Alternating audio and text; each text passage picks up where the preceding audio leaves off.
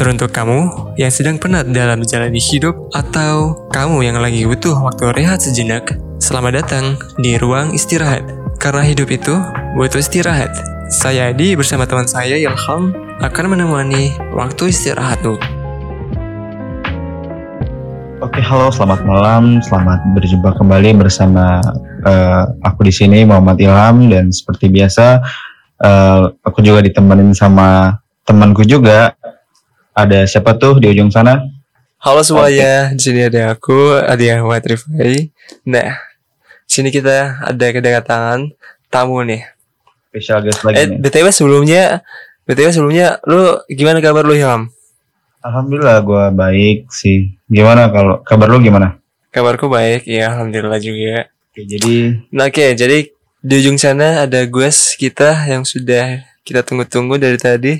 Siapa nih? Coba perkenalkan. Oke, perkenalkan nama aku Muhammad Hari Haikal. Ya, eh ya gitu. Kalau misalnya apa namanya sering dipanggil Hari. Di sini eh, mungkin aku pakai bahasa sedikit formal tapi sedikit santai juga ya. Oke. oke. Iya semi-semi lah. Bisa bisa bisa. eh tapi Kebiasaan formal ya. Nah itu iya. eh tapi hari ini Kau tinggal tinggal di mana? ah, sebenarnya dari mana? Kau tinggal di mana, Ri? Ah, Aku di Kuningan Jawa Barat di suatu Kuningan, Kuningan, yang Jawa apa, Barat. suatu daerah kabupaten di Jawa Barat. hmm, Jawa Barat ya. Hmm. Mm-mm. Tahu Kuningan gak, Ham? Iya tadi kan di Jawa Barat kan.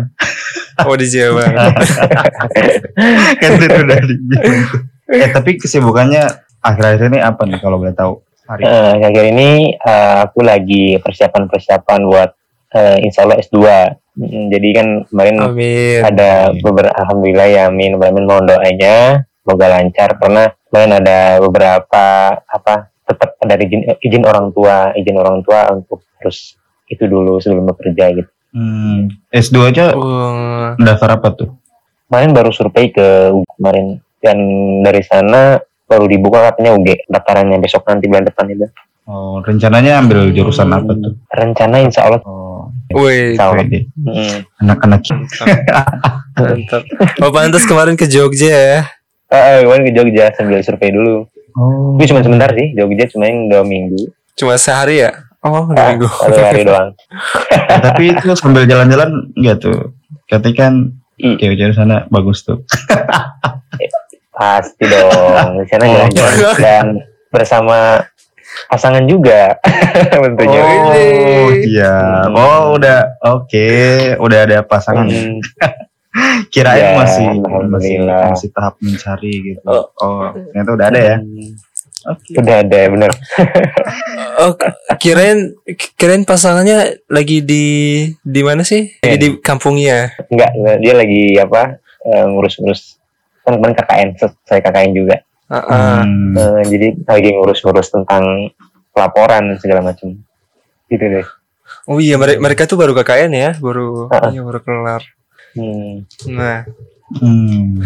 ngomongin ngomong-ngomongin tentang pasangan nih. Kalau kalau Hmm. boleh tahu, ke- kamu sama dia tuh udah berapa lama sih? Kalau dihitung-hitung baru umur jagung ya, masih apa? Ya satu, dua tahun lebih deh.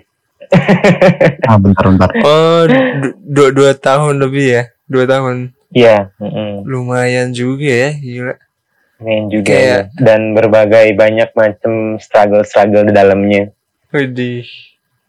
Gila, gila. Nah itu itu itu gimana sih? Kamu awalnya kayak ketemu dia, mau cerita gak? Oh ya, Kamu ketemu Oh, iya, dia boleh- boleh terus cerita. PDKT-nya gimana? basically eh, aku di sini bukan sebagai psikologi, bukan sebagai psikologi cinta apalagi apalagi pakar dalam hubungan ya. Ah, Eh, di sini cuma kita sering-sering aja. ah, sharing benar benar. Hmm, benar-benar sering-sering aja. Udah disclaimer duluan. Eh, disclaimer dulu sebelum kita mulai lanjut ke depan karena ya mungkin seperti itu yang seharusnya mungkin karena aku kan juga pertama kali menjalin hubungan dari awal lahir. oh pertama kali. Oh, Eh, eh, benar. Eh, menarik tuh. mm-mm. Nanti dibahas juga. Nah gimana tuh Oke. awal pertemuan sama dia? Jadi awal pertemuan itu dari mata langsung jatuh kan. Widih. Oh, Jadi Definisi awal pada pandangan pertama itu. Eh, bener banget itu definisi eh, first look dan first eh, impression. Terus jadi kan kalau nggak salah ya, eh, aku sama dia beda angkatan eh, dalam satu jurusan yaitu pendidikan kimia dan eh, aku kuliah waktu itu di dalam suatu gedung yang sama juga di gedung FMIPA UI. Nah setelah itu ada kuliah nih eh, kebetulan bersebelahan ruangannya. Nah setelah kuliah eh, setelah jam pertama kuliah itu aku kan keluar. Nah, setelah keluar, eh dia sama temen-temen masuk ke eh, dalam apa WC cewek. Ya kan di situ kan WC cewek sama WC cowok kan bersebelahan gitu ya. Tapi Oh, disekat juga toilet ya, tentunya. toilet Eh, cewek. toilet eh, toilet cewek. Nah setelah itu eh, di situ dia eh, bercengkrama atau dia memberikan kalau nggak salah memberikan pinjaman laptop ke temanku. Temanku ada yang minjam laptop ke dia. Nah, Ah, setelah ah. itu eh, pas aku lihat pertama kali, wah ini menarik banget nih, langsung kok hati langsung mendebar-debar gitu loh kan. Kalau nggak salah di situ juga aku tanya-tanya ke teman-teman itu siapa, termasuk Adi juga. Saya eh, aku kan tanya ke Adi juga, di siapa itu katanya ini anak Medin katanya gitu. Setelah itu di situ Hmm, setelah kalau aku berdoa ya Allah kalau misalnya aku bersama dia semoga pertemukan dengan jalan apa pun nah eh tiba-tiba dia follow IG ku Oh. Nah, setelah follow IG Oh. Eh, eh, setelah follow IG st- eh, setelah follow IG habis itu eh, saling follow back kan saling follow. Setelah saling follow ah ini mungkin jalan dari Allah nih. Nah akhirnya kan aku ikhtiar ya. Ikhtiar untuk yang pertama dia posting foto tuh akhirnya aku like. Nah, setelah like eh dia DM katanya. Ini merupakan challenge katanya. Harus posting foto juga. Nah tapi di situ eh, aku itu postingan foto yang mungkin challenge dari sananya hidup. Nah, setelah itu berlanjutlah karena itu cewek incaranku. Nah, ke aku minta nomor WA-nya.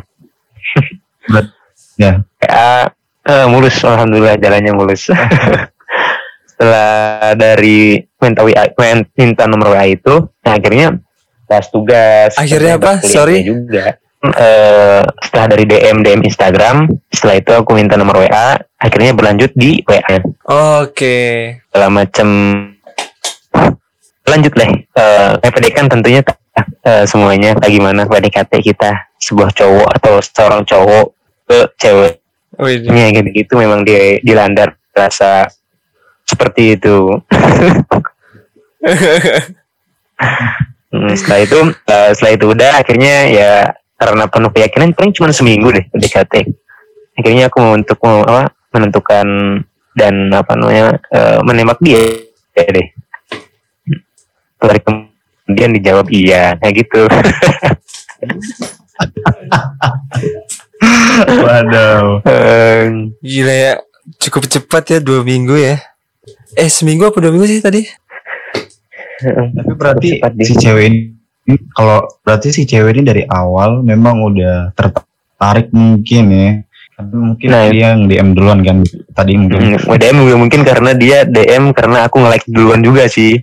Nge-like duluan terus eh, DM ke aku kan dia pengen kasih challenge juga katanya. Siapa yang mungkin semuanya unik.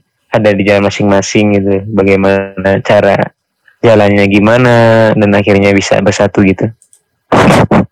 Wow, wow, wow. Oke, berarti itu tadi Eh tapi gimana gimana?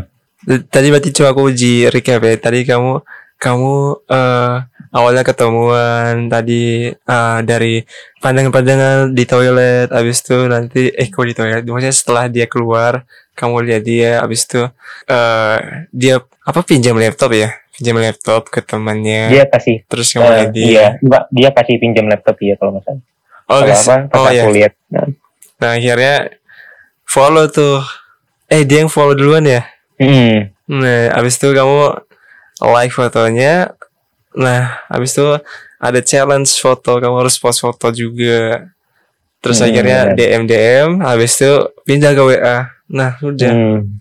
Habis WA langsung sacet-sacet Iya, prinsipnya satu-satu deh di apa-apa tuh. Tapi ini Daripada tadi ntar malah keburu keburu diambil orang. Mm-mm, itu prinsipnya. eh tapi tadi ini hubungannya udah berjalan dua tahun ya kalau nggak salah tadi. Iya, Dua nah, minggu. dua tahun. Dua dua tahun. Oke, berarti cukup lah. Ya bisa, dibilang ya lumayan lah. ya Cukup lumayan lama lah. sih. Maaf sih. Sa- bisa lulus Jadi- S2. benar-benar. eh tapi dari ngomong-ngomong nih sel- selama lu uh, menjalin hubungan ini ada nggak sih lu trust isu ke dia ada perasaan trust isu gitu atau ada perasaan gitu nggak atau mungkin ke orang lain mungkin adanya. Ah, itu kalau trust isu itu pasti kemungkinan besar itu kan ada ya tiap orang Hmm.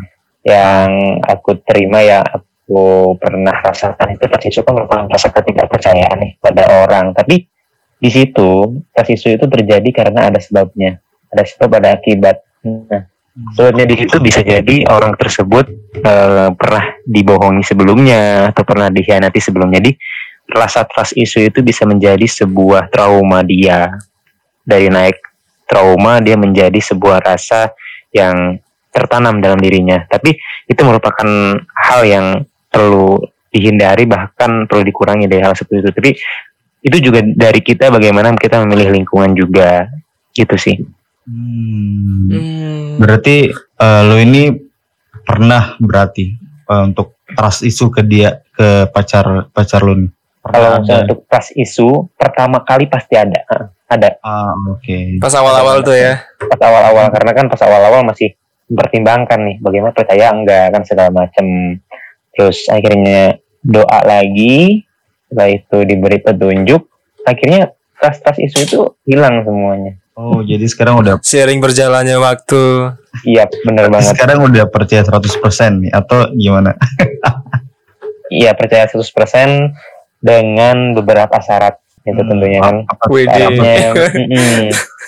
kalau Apa tuh misalnya eh, sebuah kepercayaan itu dibangun karena adanya fakta atau bukti-bukti yang dia lakukan pada aku ya. Maksudnya eh, aku melakukan hal seperti ini untuk kebaikan dia. Nah terus dia juga bisa melakukan atau membuktikan hal-hal kebaikan untuk aku juga. Bisa memberikan bukti kalau misalnya dia memang eh, apa tidak melakukan hal yang tidak saya inginkan gitu. Tidak saya tidak aku inginkan yang nggak mau aku inginkan gitu kan. Jadi seperti eh, karena laki-laki kalau misalnya udah melarang udah mengatur udah menyarankan seorang perempuan itu itu bukan mengekang tapi untuk mempersiapkan dia di masa depannya gitu oke Oh. baru wow. nih pemikiran kayak gini kadang karena mungkin beberapa orang eh, kalau kalau menurut menurut gue ya eh, orang-orang kan khususnya cowok nih cowok nih kadang kan sering ngatur gitu kadang menurut gue Hmm. kayak terlalu gimana gitu tapi bagus pemikiran lu berarti. Maksudnya eh,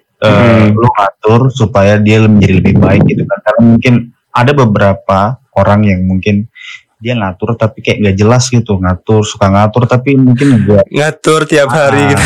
tapi enggak kayak kayak dia enggak introspeksi dirinya sendiri gitu.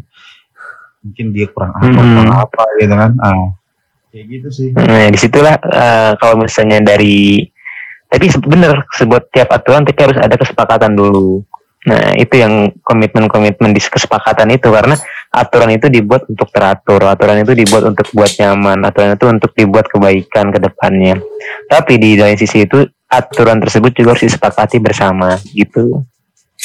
oh jadi selama ini eh, lu sama pacar lu nih sama-sama buat aturannya tuh sama-sama gitu Mm, sama-sama. Jadi eh, memberikan apa yang eh, tidak disuka itu apa aja gitu, list apa yang jangan yang nggak disuka, apa aja yang disuka gitu. Jadi kita sama-sama menjalankan itu gitu. Jadi kayak kita pengorbanan diri juga, pengorbanan diri juga untuk dia gitu. Selain kita mencintai diri kita, kita juga karena sudah punya pasangan, jadi kita harus bisa menghormati dan menghargai cewek cewek kita gitu kan. Jadi kan kalau saya aku gitu, eh, aku memberikan list-list beberapa hal yang aku nggak suka dilakukan. Nah, dan dia juga memberikan list yang apa yang dia nggak suka juga. Jadi sama-sama kita melakukan hal-hal yang menghindari hal-hal yang nggak disuka itu gitu. oke Hmm, intinya masing-masing itu memberikan rules-nya gitu ya. Do Yep. and don'ts-nya. Tapi Yap, pernah nggak yang yang sesuatu yang lu nggak suka atau cewek lu nggak suka itu lu langgar atau mungkin cewek lu langgar pernah nggak kayak gitu? Yap, bener pernah banget itu, pasti, pasti banget. Tapi di sini eh, kalau kalau aku tetap pada eh, reward and punishment ya. Kalau misalnya dia memberikan eh, apa melakukan hal yang buat aku suka dan apa menghindari yang tidak aku suka, berarti kan otomatis dia akan eh, aku kasih maksudnya reward maksudnya dalam artian reward itu ya rasa sa- rasa percaya aku juga makin tinggi sama dia gitu kan. Nah tapi kalau punishmentnya dari ketika dia melakukan yang hal yang aku nggak suka, nah aku malahan em, hal yang aku lakukan yaitu meminta kejelasan, minta apa nama klarifikasi dan eh, komunikasi itu kunci utama juga dalam sebuah hubungan. Apalagi ya sekarang kan eh, udah lama LDR dan ketemu tuh cuman dua minggu, ketemu cuman eh, berapa? Cuman beberapa hari. Walaupun sama-sama di Jogja juga waktu itu sibuk sama masing-masing, sama kehidupan masing-masing, kuliahnya masing-masing. Jadi cuman jalan tuh kalau misalnya jalan keluar gitu cuman paling tiga jam pulang gitu doang. Mm.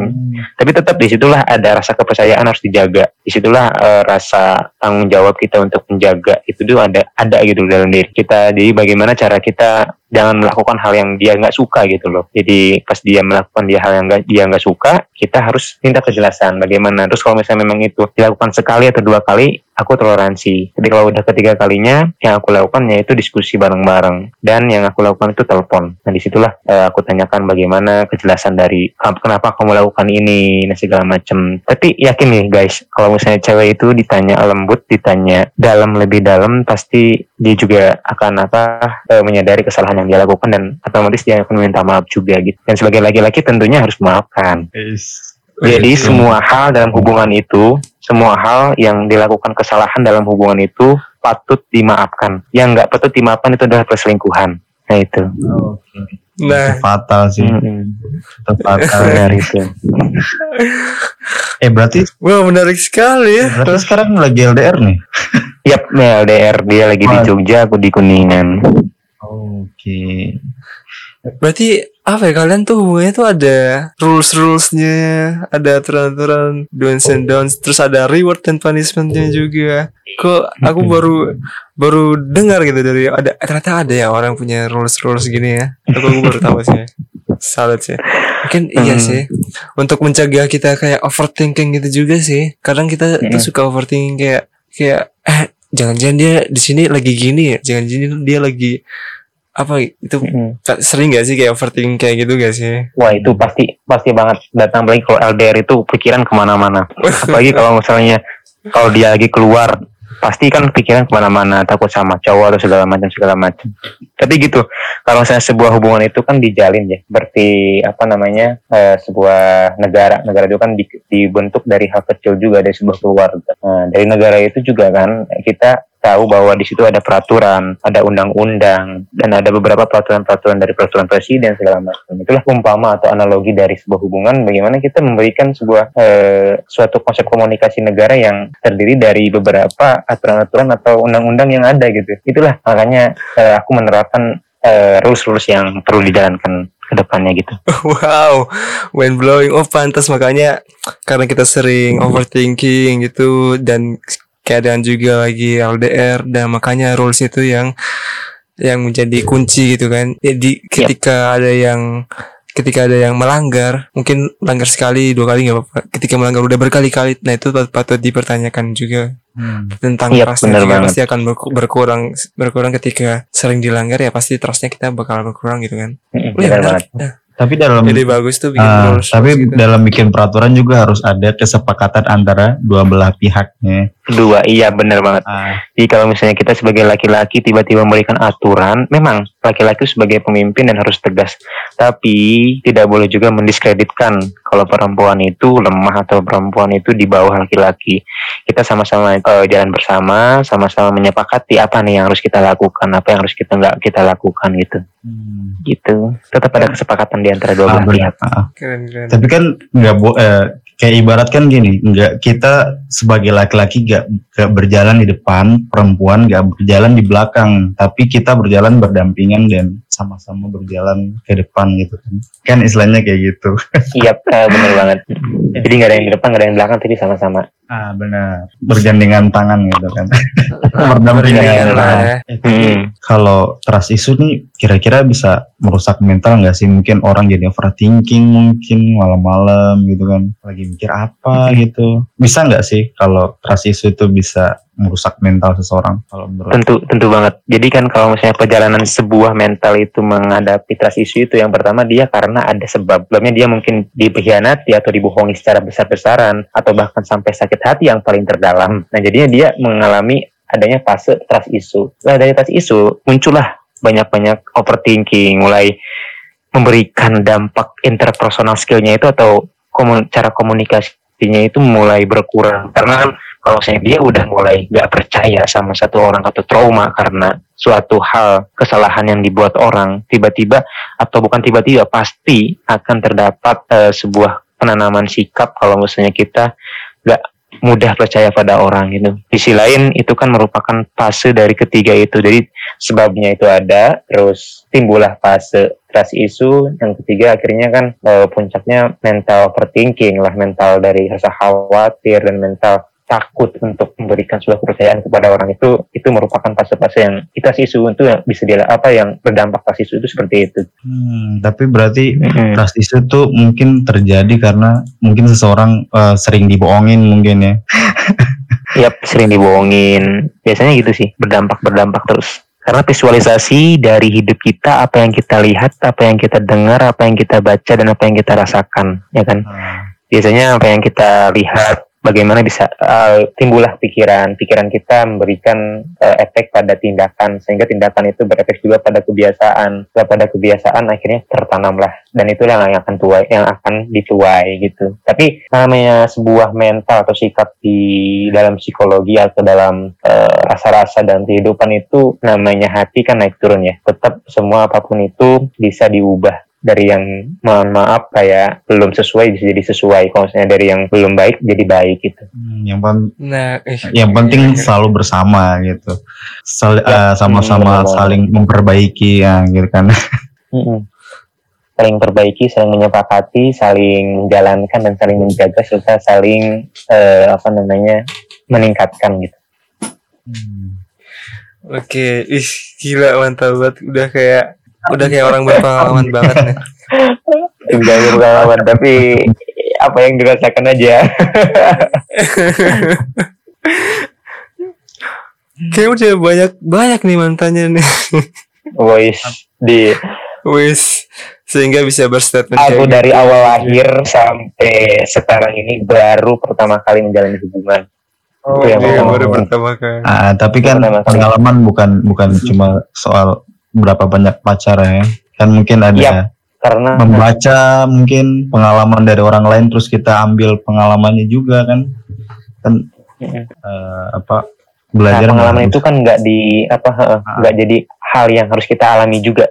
Kita pengalaman itu bisa diambil dari orang lain, apa yang kita baca, apa yang kita dengar, apa yang kita apa rasakan juga gitu saat ini. Jadi kita hubungkan antara kita dengan apa yang di apa yang kita lihat apa yang kita dengar jadi tapi tetap dipilah juga mana yang kita harus ikuti mana juga yang nggak harus kita ikuti itulah eh, jadi Disaring-saring gitu eh, lah ya. disaring-saring difilter lah kalau misalnya menurut Ah. apa namanya segi-segi bahasanya gitu mantap mantap. Eh tapi kalau menurut lo validasi untuk hubungan itu penting gak sih ke publik itu mungkin misalnya eh, upload foto di sosmed gitu untuk validasi. Ini lo pacar gue. Menurut lo itu penting gak sih? maksudnya go public ya gitu ya go public gitu. Ah, go public gitu. Eh, ya, ya kan ini kalau misalnya boleh aku jawab ya. Jadi kalau misalnya Oh, iya. validasi itu eh, sebelumnya ada verifikasi biasanya. Kalau verifikasi itu dia memastikan, kalau validasi itu dia pembuktian. Nah, kita eh, analogikan atau kita apa namanya eh, dihubungkan dengan misalnya validasi instrumen. Nah, di mana validasi instrumen itu dalam skripsi ya, biasanya kan kita memberikan pada validator. Nah, memberikan validasi nih, ini bener nggak apa eh, instrumen yang akan saya pakai gunakan untuk mengambil data? Tapi kan itu dalam instrumentasi eh, apa skripsi ya. Eh, tapi kalau misalnya dalam hubungan,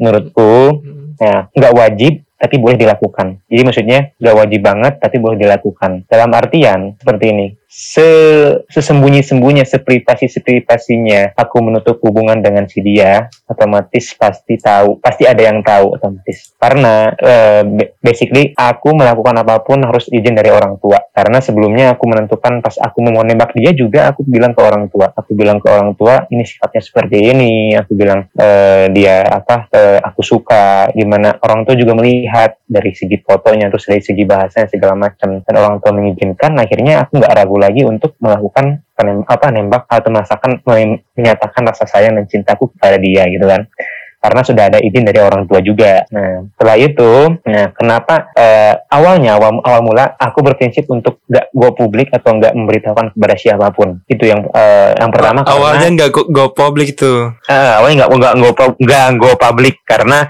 yang pertama uh, aku menjaga privasi, terus yang kedua fokus ke diri aku sama diri dia gitu. Nah, but hmm. Uh, setelah berjalannya waktu, uh, I think it's very important to public gitu kan. Jadi kalau misalnya aku memberikan suatu uh, apa pengakuan kayak misalnya aku udah memiliki pasangan nih, nah mungkin itu perlu karena yang aku lakukan tapi hanya sesekali, nggak berlebihan, nggak terus menerus untuk posting, posting, posting. Karena orang itu cukup satu kali tahu, orang itu cukup satu kali melihat itu udah paham gitu. Karena kan kalau misalnya dalam tahap misalnya verifikasi, verifikasi dia itu memastikan bener nggak sih sebenarnya kalau misalnya orang ini hubungan sama ini. Nah, daripada membuat orang uh, apa namanya penasaran segala macam, akhirnya ya udah siur gitu. Uh, uh, ya validasi memberikan pembuktian bahwa ya udah akunya gitu kan. Nah, itu juga positifnya juga kalau misalnya memberikan go public tapi hanya dilakukan di atas wajar juga ya, nggak nggak apa maksudnya wajar-wajar aja gitu pembuktiannya nggak berlebihan banget itu apa namanya memberikan uh, kita sebuah untuk menghindari campur urusan orang atau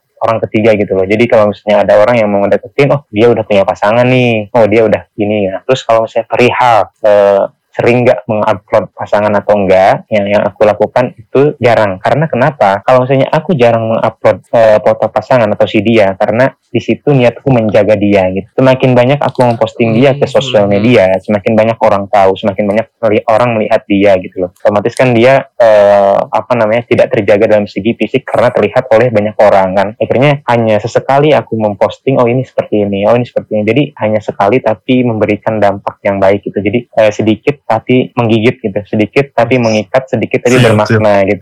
Uh, siap. Mantap mantap mantap. mantap mantap mantap oh, iya, mantap gila, berarti gila. berarti penting penting penting banget untuk uh, penting. supaya apa ya supaya tahu lah eh dia tuh udah punya udah punya ini loh cowok loh nah kita yeah. juga supaya kita tuh nggak dideketin juga kan ya, ya jadi nah, kayak untuk untuk komo, ya. untuk untuk nge-publishnya juga nggak nggak yang terus-terusan tiap hari sewajarnya aja lah ya. Uh, ya benar banget. Uh, okay. Tapi menarik sih, maksudnya kan ada beberapa orang nih kalau misalnya mereka jalan tuh terus mereka makan dan lain sebagainya kan dikit-dikit cekrek upload, nah cekrek upload gitu kan. Hmm. Kadang juga kayak terlalu over menurut gua kayak terlalu alay sih menurut gua. kan, karena kalau itu ya benar sekali kan uh, menurut gua kalau sesekali terus sebagai validasi itu ya cukup sih sebenarnya. Supaya benar benar ya gue bilang tadi maksudnya supaya orang nggak tanya-nanya eh bener gak sih itu cewek lu? Iya kalau kita udah sekali sekali apa sekali upload terus si yang teman lu yang nanya tadi udah udah ngelihat ya ya udah berarti udah tervalidasi gitu nggak harus setiap hari lu upload atau mungkin setiap hari lu. Mungkin pas jalan setiap jalan lo upload gitu kan nggak nggak nggak harus sih. Benar banget. Jadi kalau saya dalam hubungan sih sebenarnya nggak harus membuka celah untuk orang lain masuk gitu loh. Jadi kita harus memberi batasan, harus memberi ya pembuktian ada, tapi tetap dengan memberikan sedikit pembuktian itu udah cukup menurutku untuk validasi bahkan hmm. udah klarifikasi juga memastikan dari kebuktian-kebuktian itu yang ada gitu. Yang penting tegas gitu ya. Iya bener banget. Gila gila mantap, mantap. Jarang, maksudnya jarang upload belum apa baru jarang upload jangan diban jangan disamakan berarti nggak mau mengupload dirinya ya, nggak mau atau nggak mau di pengakuan hmm. segala macam karena nggak mau upload sama dengan menjaga juga menurut dan sesekali upload merupakan bukti hal pembuktian tapi sedikit dan bermakna. Hmm, tapi menarik banget. Karena mungkin ada beberapa orang juga yang mikir mungkin kalau misalnya lu jarang upload nih. Eh lu lu kenapa jarang upload? Lu ada masalah ya sama pacar lu. Mungkin kan kadang orang yang ada yang kayak gitu Pasti, tuh ya. kan. Eh, itu kalau tangkap tanggapan lu gimana tuh kalau orang mungkin Eh. nanya kayak gitu gitu. pengalaman juga nih ya, pengalaman juga pernah ada yang tanya teman, "Eh, lu sama itu baik. Terima kasih telah mendengarkan episode kali ini. Jangan lupa untuk follow akun Spotify kami, Ruang Istirahat, dan Instagram kami, ruangistirahat.id. Sekian untuk part episode kali ini. Stay tune untuk part episode selanjutnya. Bye!